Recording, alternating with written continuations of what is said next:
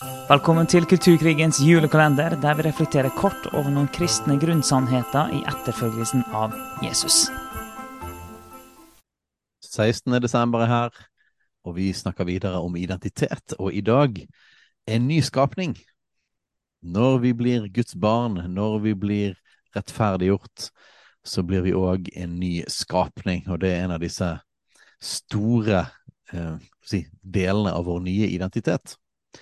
Så i andre Korinterbrev, kapittel 5, vers 17, så står det derfor, om noen er i Kristus, da er han en ny skapning. Det gamle er forbi, se alt er blitt nytt. Et nytt menneske, rett og slett. Så vi er fortsatt et menneske som vil trenge Guds nåde. Men det er samtidig skjedd noe vesensforskjellig i oss. Evangeliet forandrer oss fra innsiden. Og eh, vi var inne i Hebreerne 10 når vi, når vi snakket om rettferdiggjørelsen. Og, eh, men det var én bit vi ikke tok med, som passer veldig godt nå, og det er Hebreerne 10,16. Dette er den pakten jeg vil opprette med dem etter disse dager.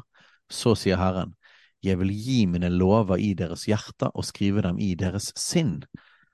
Så frelsen er altså ikke at vi gjør lovens gjerninger for å bli rettferdiggjort. Nei, vi blir rettferdiggjort av nåde ved å ta imot og respondere på det Jesus gjorde når han døde og sto opp igjen. Men når vi gjør det, så forandrer evangeliet våre hjerter. Vi får faktisk Loven blir ikke lenger ytre bud som vi prøver i egen kraft å gjøre, men loven blir faktisk skrevet i våre hjerter. Guds vilje kommer på innsiden av oss. Vi, vi har et ønske fra dypet av vårt hjerte om å gjøre Guds vilje. Vi ønsker å gjøre vår far glad. Vi ønsker å ære han. Og det er nå vår nye identitet. Ja, vi kan bli fristet av synd, eh, og vi kommer til å falle jevnlig i synd, og, og, da trenger vi å bekjenne det og, og eh, komme tilbake igjen til han. Men vårt hjertes lengsel når vi er født på ny, blitt en ny skapning, det er det at vi ønsker faktisk å gjøre hans vilje. Og det er så viktig å forstå det her med ny skapning når en skal forstå hvordan en, får kraften til å leve det kristne livet. For det er jo når vi omvender oss, vi tror på, og vi tror på Jesus, og vi blir begravd i dåpen, og vi blir reist opp igjen til et nytt liv i Kristus. Og vi blir en ny skapning, og vi blir fylt av Den hellige ånd, den som tar bolig i oss. Og vi får loven i våre hjerter, og vi blir skrevet på våre sinn. Når alt det skjer, så er det ikke lenger den gamle oss som skal leve det nye livet. Det er det nye oss som skal leve det nye livet. Det er ikke den syndige oss som skal leve det, nye, det, det hellige livet. Nei, det er den hellige oss som skal leve det hellige livet i etterfølgelsen av Jesus. Så det, er, for, så det er ikke sånn at frelsen er gratis, og den skal vi ta imot, og deretter så skal vi kjempe knallhardt med å leve et hellig liv. Nei, vi får alt det vi trenger for å leve et hellig liv videre òg. Og det er gjennom at vi blir en ny skapning, vi får et nytt hjerte, vi får en ny ånd, Den hellige ånd flytter inn, det skjer en forandring, og vi får alt det vi trenger for å leve et hellig liv. Og I Esekiel så står det jo det med at Esekiel 11, vers 19 og 20, eh, at eh, jeg gir dem et annet hjerte, og en ny ånd gir jeg inni dem. Jeg tar steinhjertet ut av kroppen deres og gir dem et kjøtthjerte i stedet, sånn at de kan følge mine forskrifter, holde fast ved mine lover og leve etter dem. De skal være mitt folk, og jeg skal være deres Gud. Det, og når det står det at eh, vi får et nytt hjerte, sånn at de kan følge mine forskrifter, sånn at de kan holde fast med mine lover, sånn at de kan leve etter dem, og de skal være mitt folk, og jeg skal være deres Gud. Men jeg som Gud gjør jobben, jeg gir dem et nytt hjerte. De er en ny skapning. Så det betyr at loven, å være trell under loven, det er å prøve i egen kraft å få det til. Og da kommer vi da møter vi oss sjøl i døren, vi kommer til kort, og ved loven kommer erkjennelse av synd. Og vi kan innrømme på Jesus vet du hva, jeg har syndet, jeg trenger din nåde, jeg trenger ditt liv. Så jeg får ikke dette til sjøl. Men så, når vi blir født på ny, og vi blir en ny skapning, så plutselig blir Guds vilje og loven skrevet i våre hjerter. Og da er ikke loven eh, si, ond, men loven er faktisk god. For Guds intensjon med loven, det er jo at det er hans vilje, og at han ønsker at vi skal leve etter det. Men, men vi klarer ikke å gjøre det i vår egen kraft. Men gjennom evangeliet så gjør altså Gud denne mirakuløse hjertetransplantasjonen på innsiden av oss, som gir oss nåde og kraft til å faktisk følge hans vilje Nei, vi klarer det ikke alltid. Vi vil fortsatt trenge tilgivelse og nåde. Men vi blir faktisk satt i stand til å kunne følge hans vilje. Og når vi leser, om, eh, når vi leser i, i brevene i, i Det nye testamentet, så ser vi at dette er veldig stor del av tematikken. Å leve et hellig liv. Eh, og, og, folk blir konfrontert av, av, forfatterne, om det er Peter eller Paulus eller Jakob eller eh, osv., blir konfrontert hvis de lever en livsstil som ikke er eh, henhold til det kristne livet. Og, og, så blir de kalt til å vende om og begynne å følge. Og så snakker i, i Romerbrevet kapittel 6, da står det først om dåpen.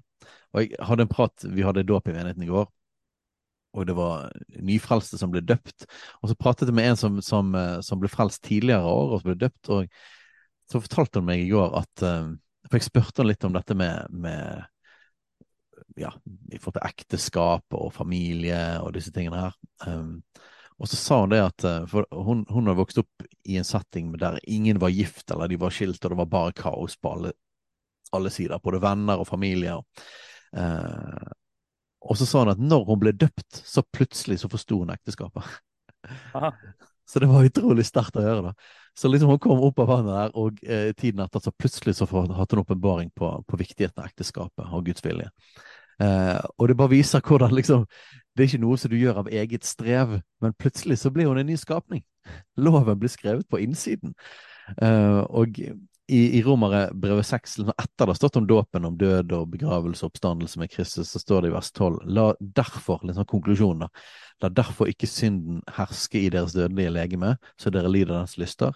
Still heller deres ikke deres lemmer til rådighet for synden som våpen for rettferdighet, men framstill dere selv for Gud, som av de døde er blitt levende, og by deres lemmer fram som rettferdighetens våpen for Gud. For synden skal ikke få herske over dere, for det er ikke under loven, men under nåden. Og så står det videre om hvordan før så levde dere dette, men nå så lever dere et annet liv. Før så gjorde dere det. Dere kan lese videre i, i Robbenbrevet 6. Men det er sånn tydelig sånn skille at her er det skjedd en forskjell. Så å bli frelst betyr ikke at vi blir frelst til et lovløst liv. Nei, er, vi blir frelst, og så flytter loven fra et ytre krav til en indre drivkraft. Jeg, jeg har lyst til å spinne litt videre på det, for når du, når du sa det her, så begynte jeg å tenke på 1. Peter eh, kapittel 4, vers 2-4. For eh, Der står det eh, Derfor skal du ikke lenger leve etter menneskelige lyster, men etter Guds vilje den tiden du har igjen å leve i kroppen. Og det er nok at dere i den tiden som er godt, har levd slik hedningene vil, i utskeielser og lyster, i drikk, festing, fyll og i forkastelig avgudsdyrkelse. Og så, nå undrer de seg fordi dere ikke lenger løper med dem ut i denne strømmen av utskeielser, og de spotter dere. Mm. Ja. men, men der har du, har det enormt tydelige skillet, da. Eh, eh, først, derfor skal du ikke lenger leve etter menneskelige lyster, men etter Guds vilje. Og så, nå undrer de seg fordi dere ikke lenger springer ut med dem i denne strømmen av utskeielser. Det er sånn mm. krystallklart skille. Det har skjedd et skifte, og fordi det har blitt en ny skapning som lever et helt nytt og annerledes liv. Det er jo helt fantastisk, sant? For det at evangeliet på en måte, det begynner jo med at vi ikke får det til. Vi får mm. ikke til å gjøre Guds vilje.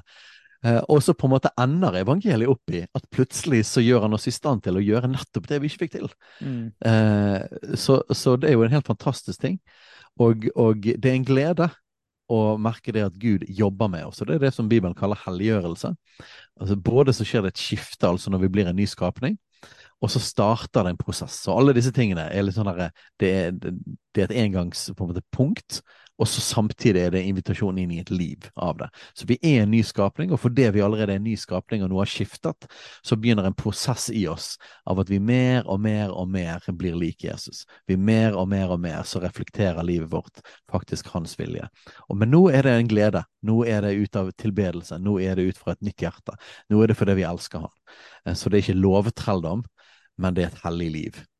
Så Romerne kapittel 12 vers 2, der står det skikk dere ikke lik denne verden, men bli forvandlet ved at deres sinn fornyes, så dere kan dømme om hva som er Guds vilje, det gode, det som han har behag i, det fullkomne. Og så står det videre en lang liste på hva det, dette nye livet innebærer og, og, og inneholder.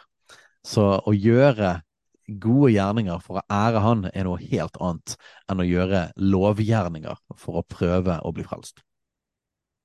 Så er det rart at vi blir glad og oppmuntra av det her. Det er et fantastisk godt budskap vi har å forkynne.